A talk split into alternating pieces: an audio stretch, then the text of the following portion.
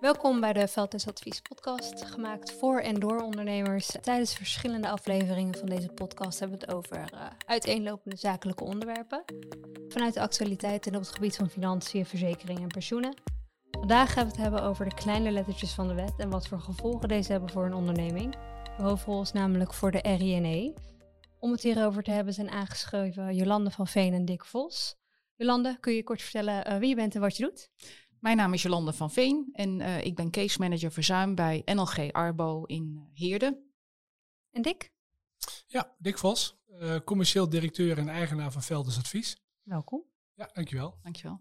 Nou, laten we maar gewoon gelijk met de deur in huis vallen. Wat is de RINE, Jolande? De RINE is de risico-inventarisatie uh, en evaluatie. Het is een heel belangrijk document voor uh, ieder bedrijf.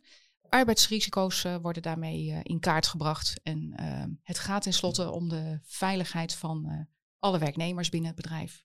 En wat staat er zo aan de RINE?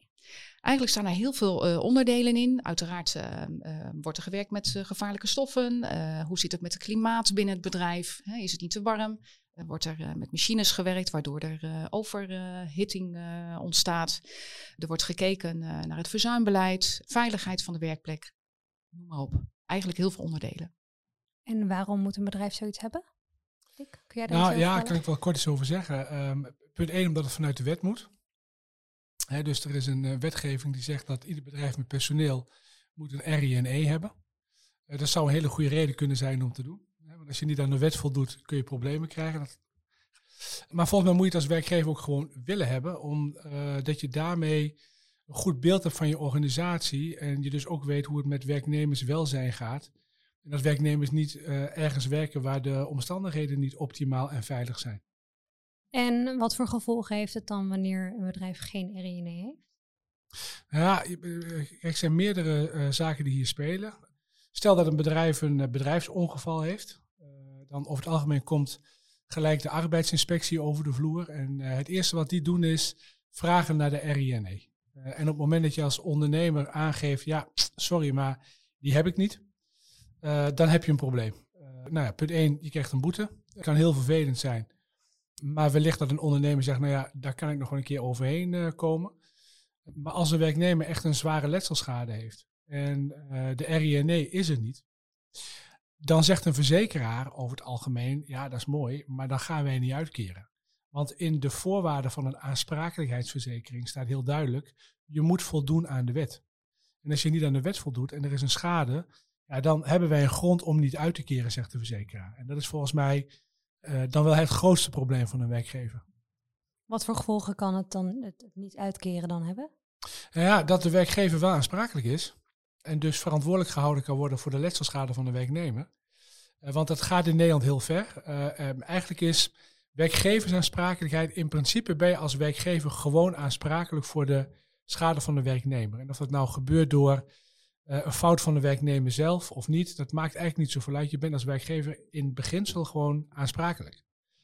En, uh, en dat betekent dus dat als je er niet voor verzekerd bent, dat je de schade zelf moet gaan betalen. Dus dan kan de werknemer met succes de werkgever uh, aanspreken. kan zelfs nog de, de ondernemer in privé aanspreken als bestuurder van een organisatie voor zijn of haar schade. Dus dat heeft echt, echt grote gevolgen. Hoe gaat een ondernemer te werk? Hoe, hoe stel je zo'n RINE op? Er zijn uh, via internet heel veel uh, uh, RINE-documenten te vinden. Vaak is een werkgever ook wel aangesloten bij een brancheorganisatie. Ook daar kunnen ze informatie weghalen.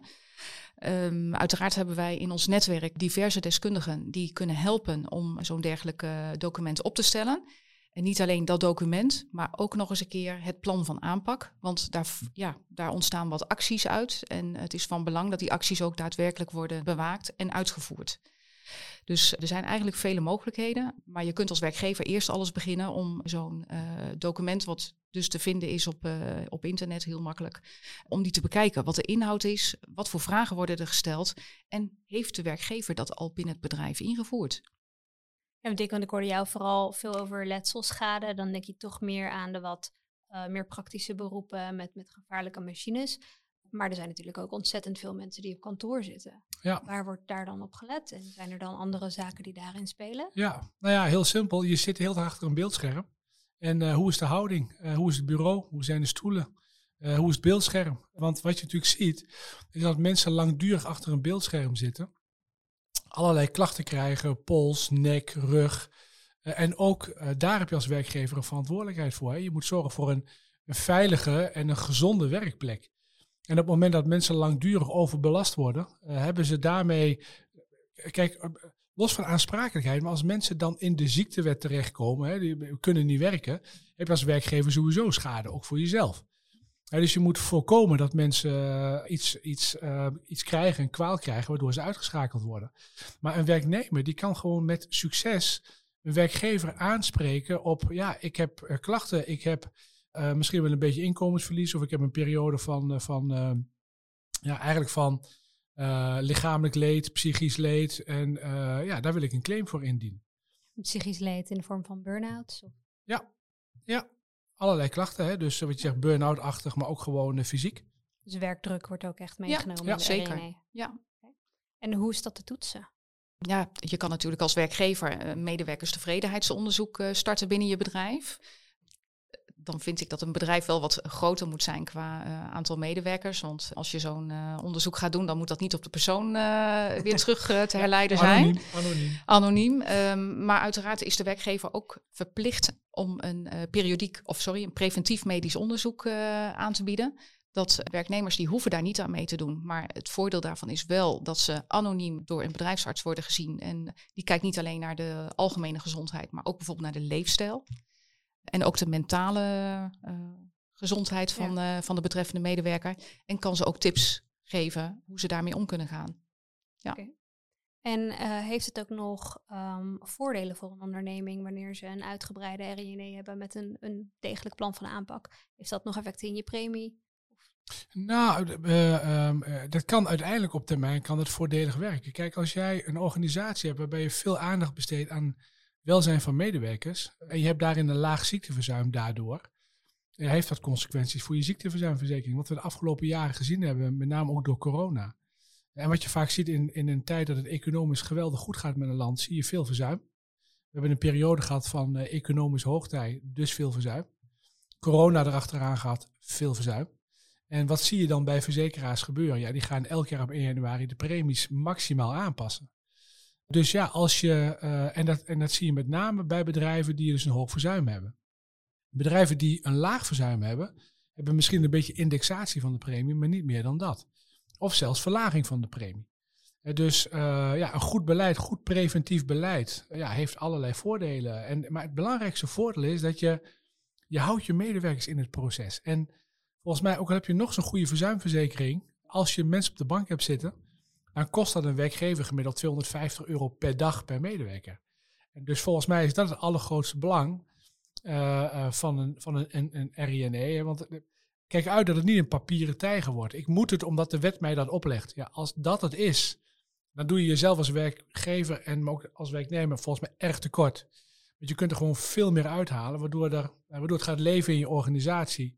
Uh, mensen het belang ervan in gaan zien. En uh, ja, met, je met z'n allen naar een, uh, een, een, beter welzijnsniveau gaat.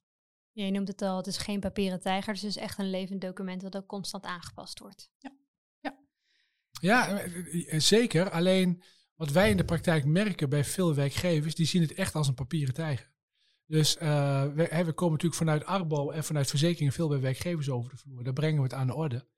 En we horen met regelmaat van ja, daar moet ik nog eens een keer mee aan de slag. En uh, ja, dat heb ik een aantal jaren geleden wel eens een keer gedaan, maar dat is niet meer actueel. Dus het heeft bij een, en dat snap ik wel, bij een ondernemer die uh, uh, huizen bouwt of die fietsen verkoopt, ja, die wil huizen bouwen.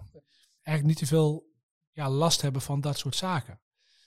dus aandacht daarvoor is niet echt optimaal.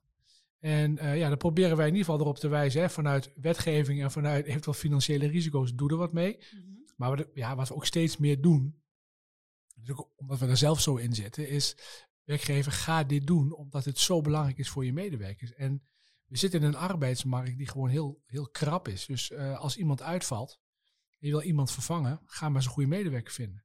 Dus wees nou toch gewoon zuinig op de medewerkers die je hebt. Daar kan een RINE een, heel, ja, een hele mooie stap, een hele mooie start mee zijn. Beschouw het dus niet als een afvinkvakje voor de wet, Ja. maar als een tool om jezelf ook als, aan, als Ja. werkgever aantrekkelijker te maken. Ja, absoluut. En voor de werkgever is het sowieso aantrekkelijk. Wat Dick al aangeeft, eh, het verzuimbeleid kun je hopelijk eh, daardoor beter eh, dwang houden. Het werkgeluk voor de medewerkers is van belang. Maar daarnaast zal de productiviteit ook zeker toenemen. Hè? Als, als alles goed geregeld is eh, binnen het bedrijf, ja, dat komt alleen maar de productiviteit ten goede. Kijk, dat vinden we altijd goed. Zeker. Nog even een klein zijstapje. Je had het net over toenemend verzuim vanwege corona. Zie je nou ook veel dat de RINE wordt aangepakt of het plan van, plan van aanpak aangepakt wordt omdat mensen veel meer thuiswerken en dat daar ook andere eh, ja, werkomgevingen bij komen kijken? speelt zeker een rol. En eh, wij merken nu ook dat eh, ja, door allerlei ontwikkelingen eh, via social media, dat we toch meer telefoontjes krijgen van werkgevers met bepaalde vragen. Van ik wil nou toch wel eens een keer preventief medische onderzoeken laten verrichten. Hoe pak ik dat aan? Hebben jullie nog tips als arbodienst?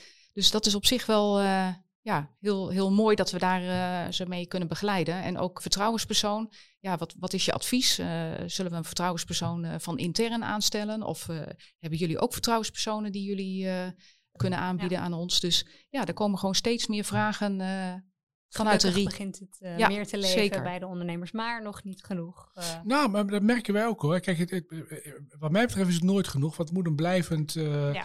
attentieonderdeel zijn. Eh, maar wat Jolande zegt terecht, wij, wij zien wel meer bewustzijn bij werkgevers. En eh, ja, daar helpt, ja, dat is heel gek zeggen, maar daar helpt corona helpt daarin. Hè? Want we gaan met z'n allen massaal thuiswerken, maar dat ja, niet alleen. er zijn is ook wat dat betreft ook een vergrootglas gezegd Ja. op eh, mentale welzijn van, Ja. eh, van werknemers. Ja, Zeker. zeker. Ja, en, en wat je gezien hebt, is dat heel veel bedrijven die zijn andere activiteiten gaan ondernemen. Dus ik heb een RINE op mijn bedrijf restaurant. En vervolgens ga ik massaal thuis bezorgen. En moet ik eigenlijk mijn RINE even aanpassen, want ik heb een ander soortig bedrijf gekregen.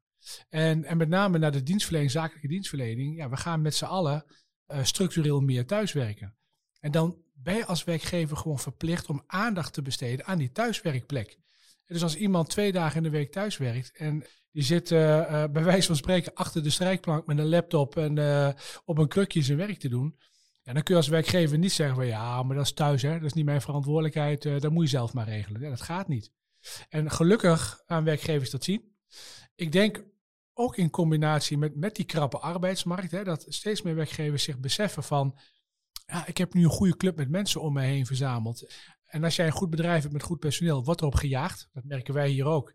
En mensen worden benaderd. En eh, dat zien ondernemers ook. Dus die gaan echt wel de stap zetten eh, naar eh, een betere zorg voor de medewerkers, werkgeluk, welzijn. En dat zijn volgens mij toch wel enorm belangrijke stappen die we met elkaar aan het zetten zijn. Mooi. En Jolande, een ondernemer die het nu nog niet voor elkaar heeft, wat moet hij doen? Nou, ik raad eh, die werkgever of die ondernemer aan om eh, contact op te nemen eh, met zijn of haar eigen arbodienst. Uiteraard kunnen ze ook met ons contact opnemen.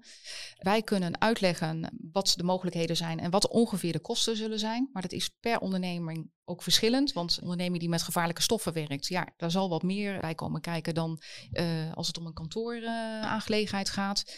En daarnaast uh, hebben wij als Arbodienst zelf een groot netwerk, zodat wij kunnen zorgen dat de juiste personen, de juiste deskundigen uh, met de ondernemer mee kunnen kijken.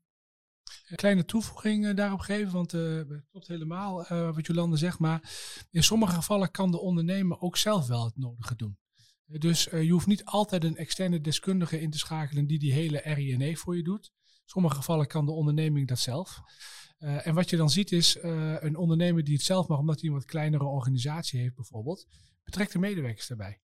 En uh, ga samen kijken en ga dat samen invullen. Want je hebt vaak wel medewerkers in je bedrijf die ah, iets meer affiniteit hebben met, met personeelszaken of met, met veiligheid. En betrek die mensen erbij. Ga het samen doen. Dan krijg je ja. gelijk ook draagvlak. Ja, ik denk dat dat ook zeker helpt bij het levend houden van zo'n document, ja. wanneer ze deelgenoot zijn van de opstelling. Ja. Zeker, ja. En ook iedere onderneming die uh, sowieso personeel in dienst heeft, die moet ook een preventiemedewerker uh, uh, hebben aangesteld. En juist ook een preventiemedewerker kan meekijken met de ontwikkeling van de RI en E. Ja. Nou, hartstikke bedankt. Ja, graag gedaan. Bedankt voor het beluisteren van de Veldhuisadvies podcast. Voor meer informatie over de RINE, goed werkgeverschap en het voorkomen van verzuim verwijzen we je graag naar onze website www.veldusadvies.nl. Benieuwd naar de volgende aflevering? Abonneer je via Spotify en blijf op de hoogte van onze volgende releases van deze podcast.